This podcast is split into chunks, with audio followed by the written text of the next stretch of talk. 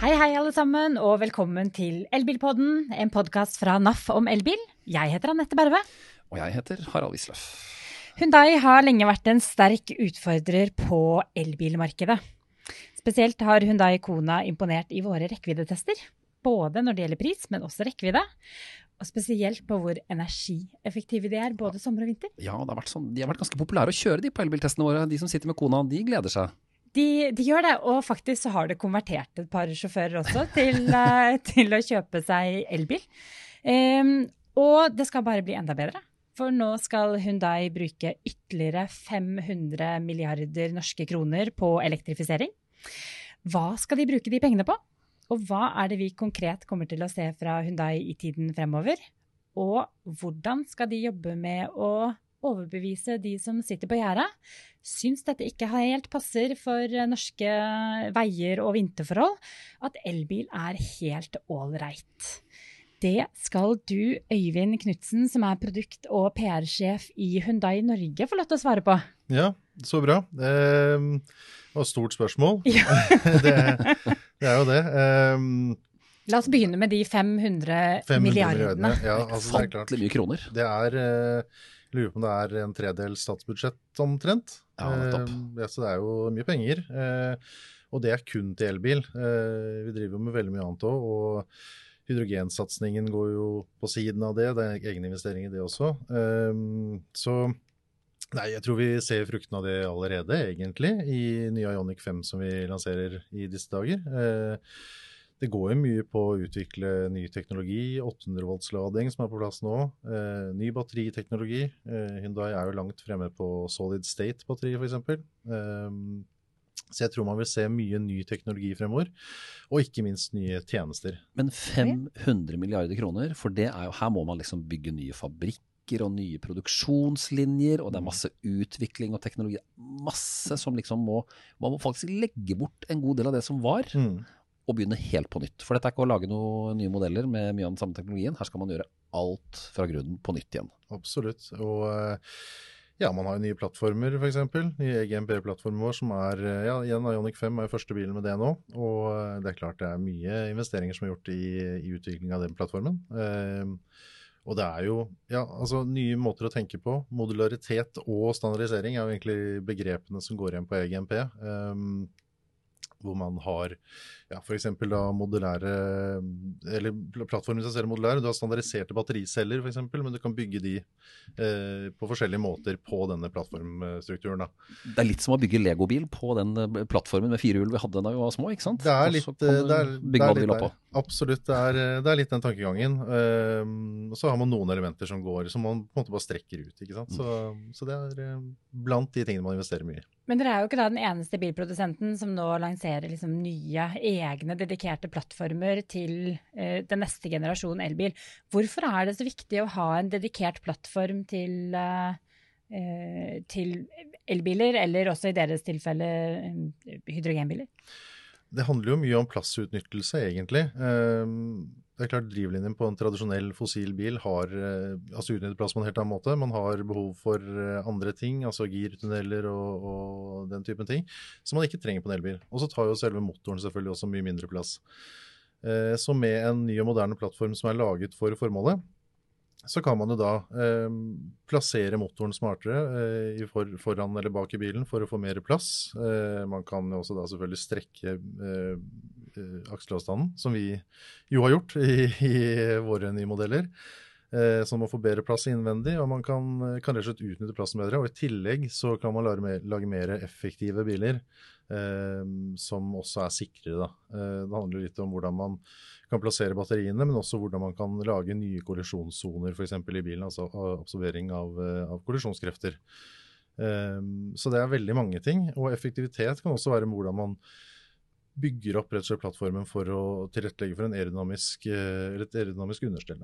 Så, så, det er veldig mange ting som, som spiller inn her. Mm. Og for de 500 milliardene så er det da 23 elektriske modeller eh, som skal bygges og utvikles. Mm. Er det da 23 helelektriske modeller, eller er det både hybrider og elbiler? Det er, 23, ja, det er 23 helelektriske, uh, men det er ikke bare Hyundai som merke. Det er Hyundai Motor Group, så det inkluderer jo da også Kia og Genesis. Uh, men uh, det er mange elbiler på gang. Eh, vi ser det jo for oss eh, selv, så, så ser vi jo at det er jo Ionic-modellene som er eh, kanskje grunnpilaren i dette her for oss. Og I tillegg så vil det jo komme andre elbilmodeller, sånn som Kona Electric f.eks., som er en, en modell som fortsatt vil bære Kona-navnet, fordi den har andre drivlinjer også. Um, så vi ser jo også at det kommer til å komme mange forskjellige elbiler etter hvert. Da. Men vi skjønner jo i hvert fall når det er 23 modeller, Mm. så er det jo en eller annen form for samlebåndseffektivitet, som du kaller modularitet, ikke sant? Mm. At man har dette Lego-understellet med, med fire hjul, og så bygger man bilen etter hva slags bil man ønsker uh, oppå det igjen. Mm, det gjør Sant. man. Det gjør man. Eh, og eh, ja, EGMP danner jo veldig, i veldig stor grad grunnlaget for dette her. Eh, for oss så er jo disse Ionic-modellene som vi kommer med da de neste årene, eller fra, fra og med nå, eh, er jo alle bygd på EGMP, og, og det er liksom hele grunnpilaren i den moderne, nye satsingen Det er litt som Volkswagen har gjort med MEB-plattformen sin, ikke sant? Ja, det blir jo det. Mm. Det blir jo samme, samme retning, Mm. rett og slett. Og, det tror jeg er viktig. Det er store ambisjoner ute og går. For de 500 milliarder kronene så ønsker man jo også å bli en av de største elbilprodusentene i verden. Det er eh, ja, topp tre, det er ikke definert hvilken plass, men topp tre i 2025 er jo det man ser for seg globalt, eh, sånn når det kommer til elbilvolum. Og, og da må man investere litt penger i, i å lage gode elbiler som ja, fungerer i alle markeder, egentlig. I Norge er det jo én ting, men, eh, men det er mange andre markeder også. Men er det da slik at man ikke ser en, en videreutvikling og en fremtid for forbrenningsmotoren i det hele tatt? Jo, på hva skal man kalle det? På, eh, på lang sikt på én måte, men på kanskje kort sikt når du ser det i et stort industriperspektiv. Eh, Så altså, Hyundai har vel ikke sagt noen sluttdato eh, for den fossile bilen enda. Eh, Men det er en eh, klar oppskalering av elektriske drivlinjer, selvfølgelig. Man satser veldig mye på elbil eh, og på hydrogen. Og man elektrifiserer i veldig stor grad. Det er nesten ingen av de fossile modellene våre lenger nå som ikke får en eller, har en eller annen form for hybridløsning. Da. Sånn at i Europa spesielt kanskje, ser man jo at 48, 48 volts teknologi, mildhybridteknologi, er, er et veldig viktig første steg. Da. Så Og 48 volt, det betyr at uh, dette er en, en, si, en enklere elektrisk uh, drivlinje som passer inn i en fossil drivlinje som en hybrid. det, er- det det gjør, er rett og slett at du, ja, du bytter ut 12 volts batteri med et 48 volts batteri, og, og så setter du en liten elmotor inn og får eh, ja, rett og slett høyere effektivitet, da, særlig i bykjøring. Uh, og det er en relativt rimelig løsning, og det fungerer jo selvfølgelig bra i markeder der man kjøper mange små biler som ikke er så kostbare. Eh, Så jeg tror det er et viktig første steg, i i veldig mange markeder. Og så ser vi også nå i Europa generelt at eh, både elbiler og de rene hybridene og plug-in-hybridene vokser veldig da, for vår del. Mm. Så eh, etterspørselen går jo i den retningen også, og det vil man nok se i de fleste markeder. Og så ser vi jo det også i hjemmemarkedet i Korea, eh, hvor man har solgt langt flere Ioniq 5 eh, enn det man kanskje så for seg på forhånd. Eh, og i tillegg har eh, mange hydrogenbiler på veien. da. For hydrogen er en viktig del av satsingen til, Hyundai, det òg. og det beror nok litt på at man i hjemmemarkedet i Korea har eh, en veldig stor satsing på det fra myndigheter også. Mm. Eh, men man tror definitivt på det som en sånn parallell teknologi til elbil. Ja, for, for også med dere så henger jo dette, ikke spøkelset, men disse kravene til utslipp og, og, og knallharde krav til hvor mye en bilpark skal slippe ut. Altså hva dere får lov å produsere, da. Mm. Så man må jo snu seg rundt, ellers så vanker det ganske betydelige bøter. Absolutt. Og det er jo Eller har det har nok kanskje i større grad enn det er vært et viktig element. Uh, I den forstand at man uh, at man nå satser så store penger på elbil at det, at det blir liksom langt mer seriøst enn å bare lage sånne compliance-kjøretøyer for å få ned uh, utslippene i bilparken. Øhm, så vi oppfatter øh, Hyundai som selskap som et veldig seriøst og troverdig selskap når det kommer til dette med elbilteknologi. Eh, Sånn når vi ser det med norske øyne også fra, fra Det er klart vi er jo en, en heleid importør, men du sitter jo likevel og ser på et stort internasjonalt selskap med, med norske øyne, og, og blir egentlig ganske imponert av den satsingen som gjøres fra, fra Korea. da. Mm. Men faktisk så har jo dere da her til lands tatt eh, steget videre. Eh, For fra nyttår, nyttår av så var det ikke, har det ikke vært mulig å kjøpe en eh, ren bensin- eller dieselbil fra en Hundai-forhandler. Dere sitter nå kun igjen med, med elektriske drivlinjer i form av hybrider og eh, hydrogenbil og rene elbiler.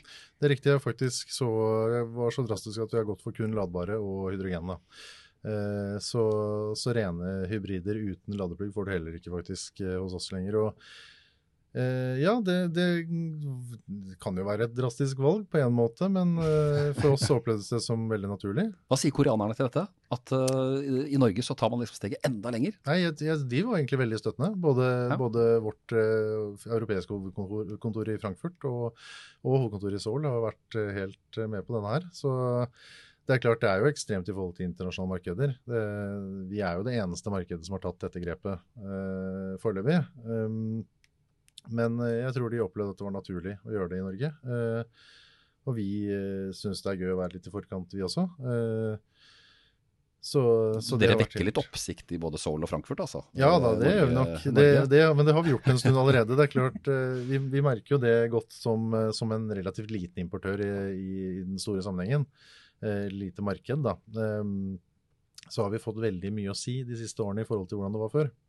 Mm. Eh, og ja, vi kan gi tilbakemeldinger på mye, mye ting nå som, som kanskje ikke var like lett å få gitt tilbakemelding på uh, før. da. Og det er vel, Anette, dette er vel ikke Dette er jo ganske typisk for en god del av de norske importørene nå som satser elektrisk. At de har fått lov til å være med og bestemme hvordan disse bilene skal se ut. Jo, vi trenger hengefester, vi trenger en tilpasning sånn og sånn.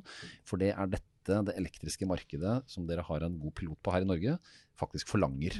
Absolutt. Og eh, ja, det, vi, vi har mast mye om hengevekt i mange år. Uh, fikk jo 1600 kilo nå på, på Jannik 5, så det virker jo som om det hjelper. Mm. Så, så bidrar det nok litt at det tyske markedet begynner å få stor interesse for elbil òg, tenker jeg. For, eh, hvor det, den typen ting er etterspurt der også. Da blir det Ionic 5 på miljøstasjonen med hengeren full av hageavfall. Det er Det er, det er akkurat det. Eh, så det, så det. Men det er sånne viktige ting. Det og, og taklast og, og sånn som mangla litt i starten. Og så har det kommet litt etter hvert. Sånn på Kona hadde jo taklast fra start, og så fikk den litt hengevekt etter hvert. Eh, etter litt om og men. Eh, og så ser vi nå at på Ionic 5 så, så er alt på en måte med fra start. da. Det er jo litt den derre den kanskje ekstrembruken, det er ikke hverdagsbruken, men ekstrembruken som fortsatt trengs å være der. Hvor jeg kanskje også, kanskje også merker deg modent nok for å akseptere at ja, rekkevidden din blir litt kortere, men det går greit nå. Eh, folk kjenner teknologien bedre. Så de vet at ja, men faktisk til og fra miljøstasjonen så går det greit å ha høyere forbruk, fordi at eh, jeg kommer meg fint fram og tilbake. Ja, det er et eh, viktig poeng. Og det er, det er klart dette er sånne, mm, sånne ting som det kan være litt vanskelig å forklare da, til, eh, til markeder på Eller til, til ja, f.eks. Sol. Da. Det er ikke nødvendigvis sånn at vanene er helt like heller. Eh, Men det gjelder mange ting som har vært opp igjennom, og ja, man ser, ser at vi begynner å få, få god, godt gjennomslag. Da, så det er bra. Men før vi går inn på detaljnivå på Ionic 5, så tenker jeg bare hydrogensporet litt til. For uh, som du sier, det er noe dere ser for dere er en del av, en del av modellmiksen fremover. Men samtidig så, så sliter vi jo her i Norge med at uh, det, det var en eksplosjon ute i Sandvika som satte en ganske heftig stopper for alt av egentlig salg av hydrogenbiler, men også virker det som midlertidig utbygging av hydrogenstasjoner. Mm. Så her er det jo mye som må til før hydrogen faktisk er et praktisk alternativ her til lands, med infrastrukturutbygging. Um, hva er det du kan fortelle om hva som hva, hva vet dere at kommer fremover nå? Kommer det til å være et praktisk alternativ fra og med 2025 og utover? Altså det, det vi vet er jo at det er mange aktører som er på ballen. Eh, Jeg tror faktisk senest denne uken her at det åpnet en teststasjon eh, i Oslo-området. Og, det er flere som tar kontakt med oss og som, som er eh, veldig seriøse på dette med å sette opp mange stasjoner egentlig i løpet av relativt kort tid.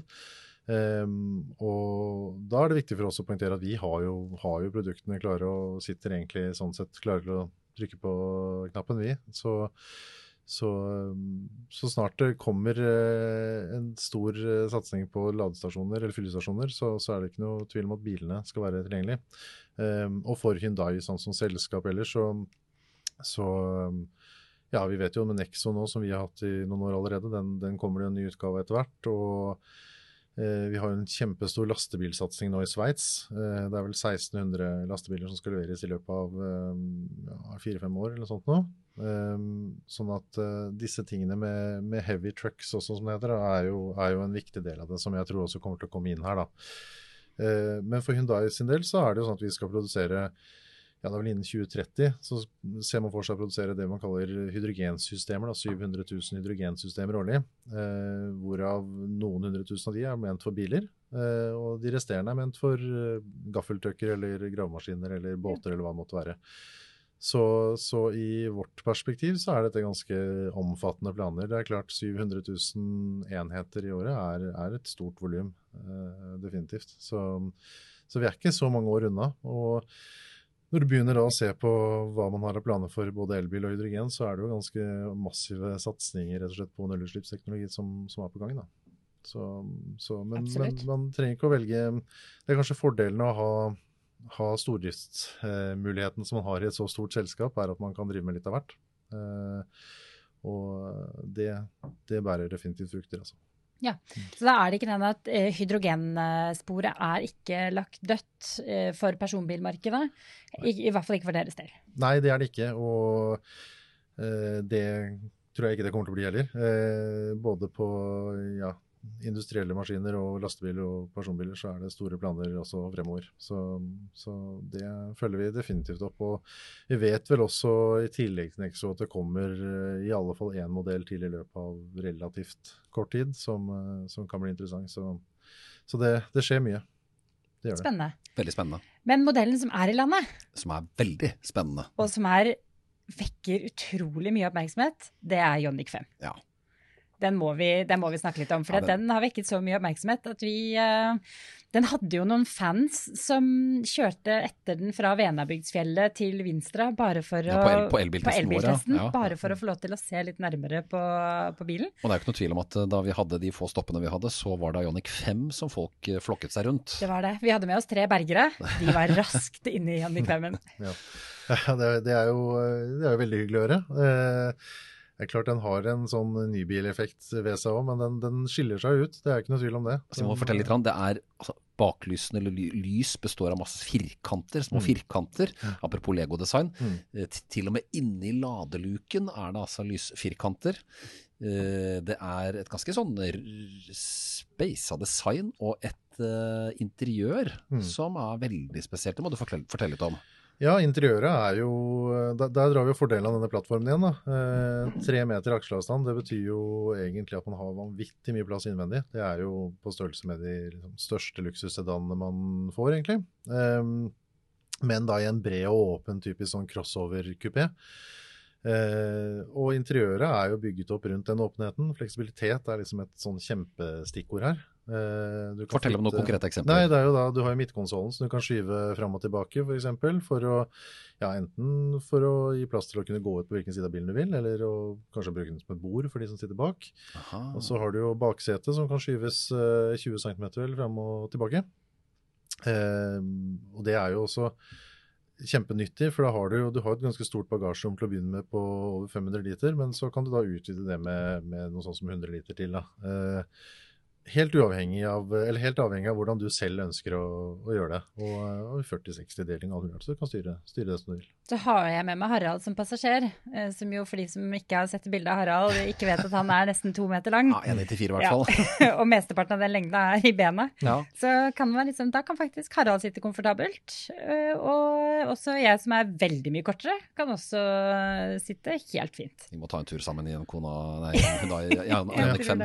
Ja, jeg tror, jeg tror, de fleste vil finne seg til rette der, altså. Jeg ser jo det, jeg er jo relativt høy selv. Jeg er jo 1,91 eller noe sånt selv. Og bak meg selv så sitter jeg sånn og har skikkelig god beinplass, altså. Så, så det, er, det, er, artig. Det er, det er, den er mye større innvendig enn det man uh, tror. Og så er den jo egentlig mye større utvendig, tror jeg, også enn det folk tror. Det også er nok litt av den stoppeffekten. fordi den har jo et design som, som ser, den ser jo egentlig ut som en sånn type golfsegmentbil litt på bilder. En typisk hatchback. Og så er det jo en, stor, en relativt stor crossover. da. Den er, eh, den er jo 464 omtrent lang.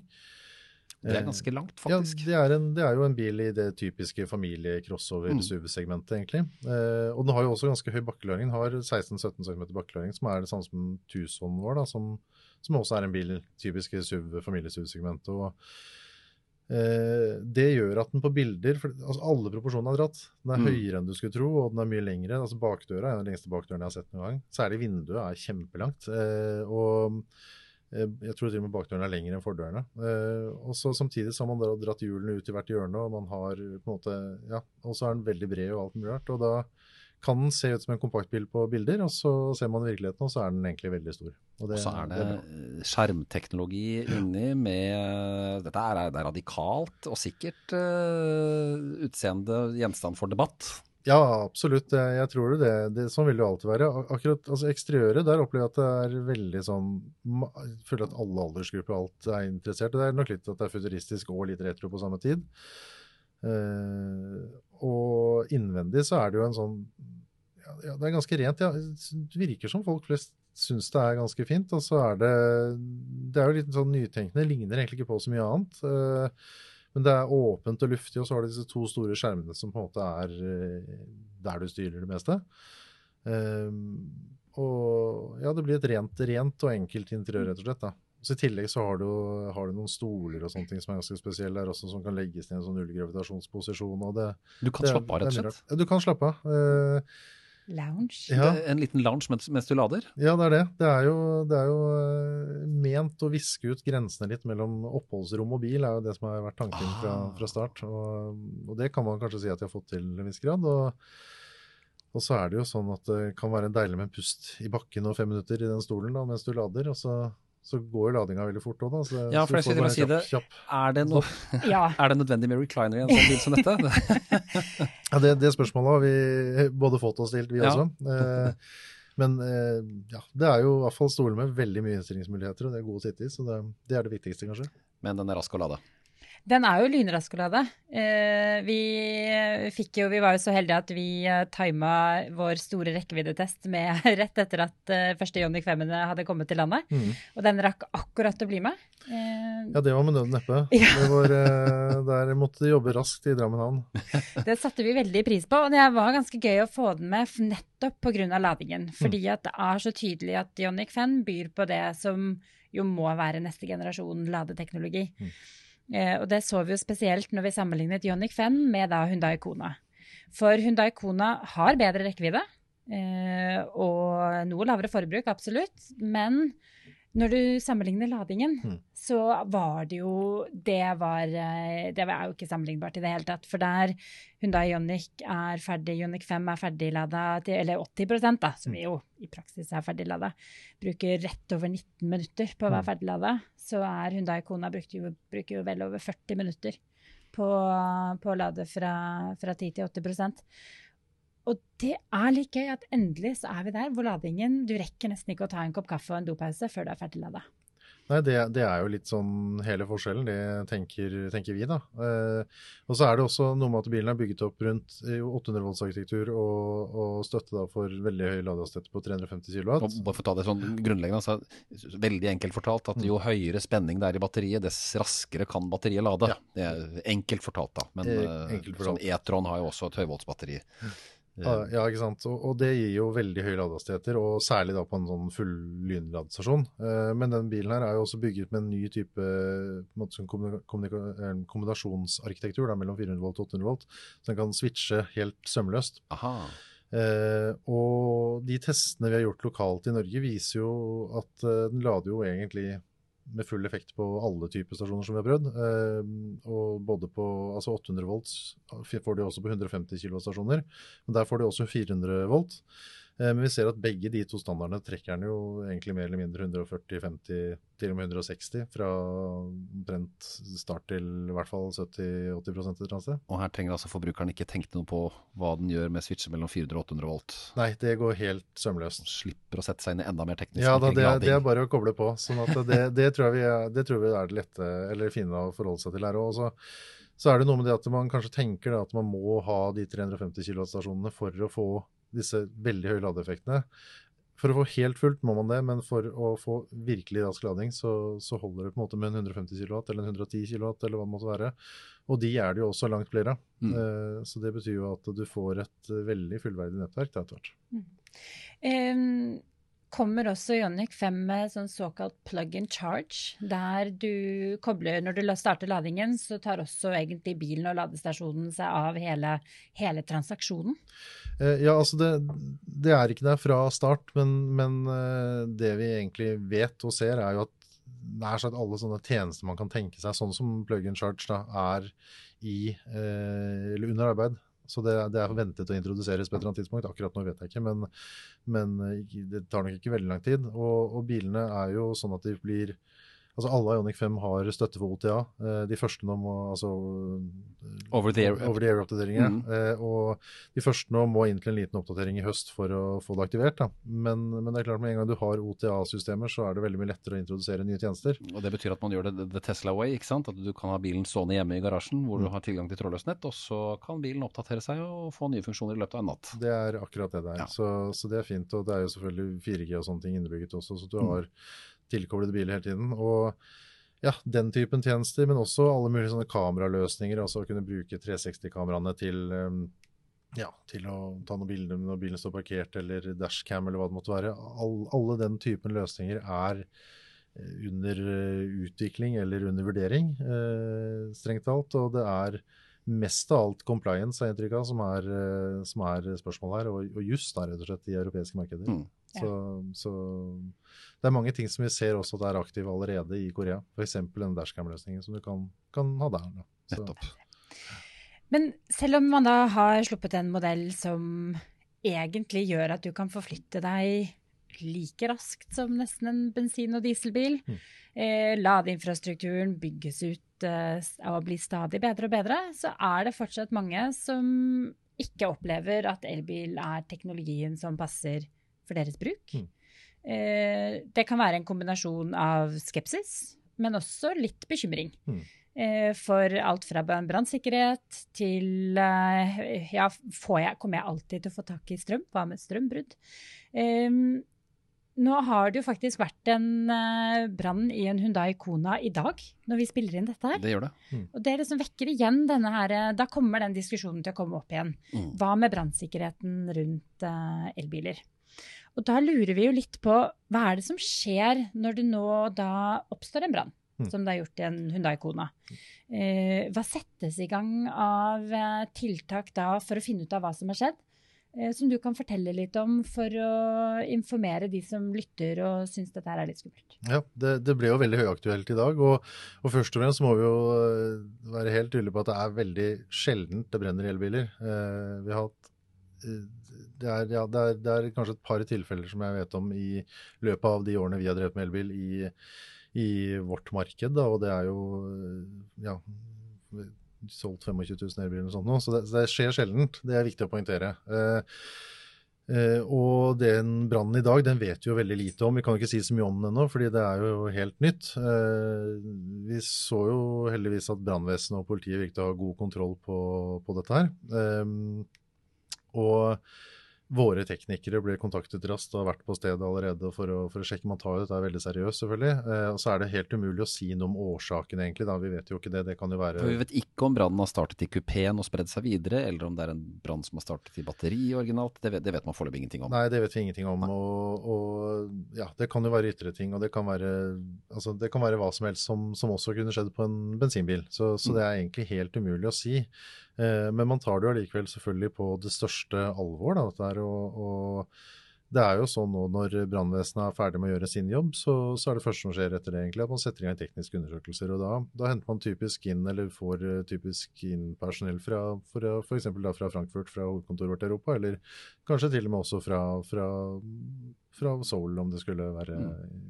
være nødvendig. Så disse tingene tas på det største alvor, og man ønsker å finne ut hva som har skjedd, selvfølgelig. Sånn vil det jo alltid være når det er en brann som man ikke helt vet hvor, hvorfor har oppstått. Man vil jo alltid etterforske en brann. Eh, og eh, det viktige da er å avdekke hva som har skjedd her, og om det er noe som, som må gjøres. Skal vi også si at En brann i et sånt batteri er jo ingen eksplosjon. Den uh, er intens, men den den går sakte fremover, og så blir den kraftigere og kraftigere. Og så kan jeg også si at Oslo brann- og redningsetat var, eh, de er skolert på dette, tydeligvis. For de hadde veldig god kontroll på slukkingen, og blant annet brannteppe for å kvele flammene. Og så kreves det da veldig mye vann for å kjøle ned i ettertid. Ja.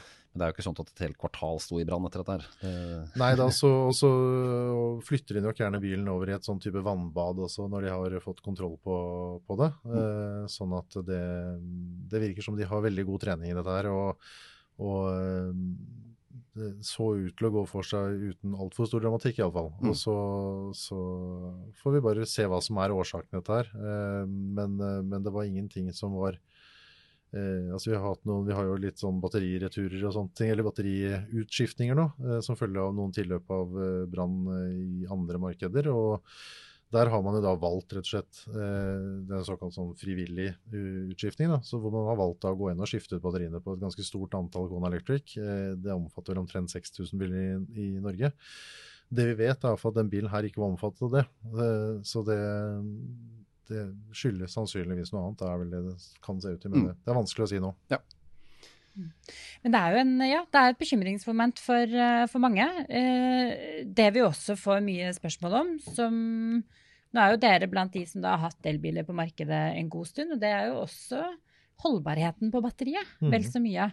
Eh, hva har dere gjort dere erfaringer, spesielt da med tanke på altså, degradering av batteriet, men også da har dere skiftet ut eh, Er det skiftet ut mange batteripakker eh, eller opp gjennom, eh, opp gjennom årene?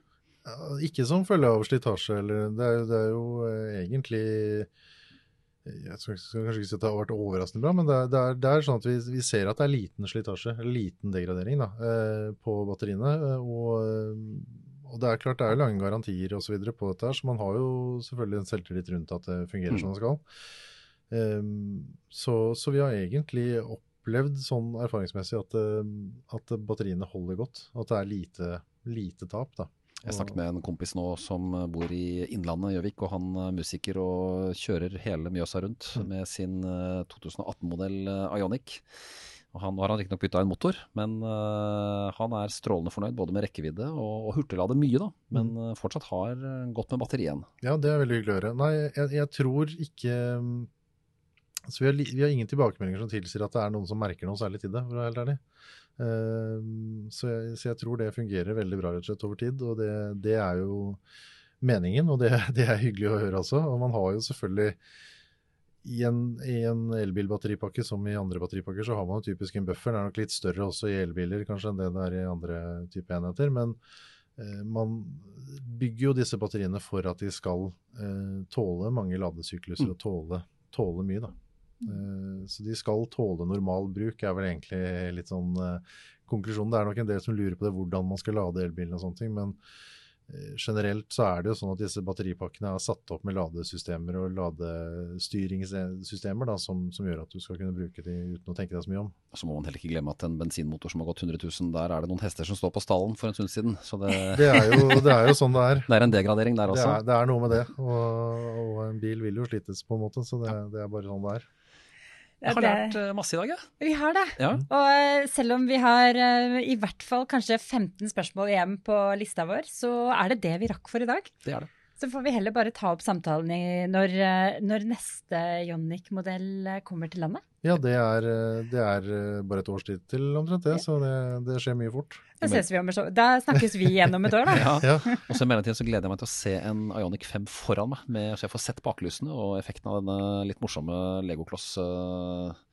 legokloss-designet. det begynner, det begynner nok å komme ut noen hundre på veien i løpet av uh, veldig kort tid nå. Veldig Så spennende. kundeleveransen har startet, så det, det nærmer seg. Da er det mange som får en, eh, en god sommer. Det er det. Det gjør det. Og faktisk så kommer vi til å ta sommerferie nå også. Ja, vi gjør rett og slett det. Vi skal ta en liten sommerferie. Vi er tilbake igjen eh, i uh, august, håper vi.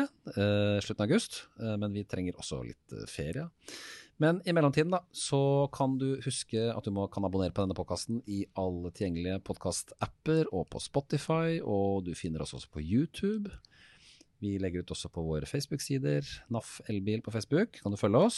Send en gjerne melding på Messenger om du lurer på noe. Og hvis du har forslag til gjester, eller hva det måtte være, hvis du lurer på noe til Hundai som de kanskje kan svare på, eller vi via dem. Og så er vi på Instagram også, må du ikke glemme. Vi eh, ses eh, over sommeren her i studio. Harald Wisløff, Anette Berve og Vegard Løfaldli og Petter Jacobsen bak eh, spakene. Så ses og høres igjen om noen uker. Ha det bra! Ha det godt! Ha det.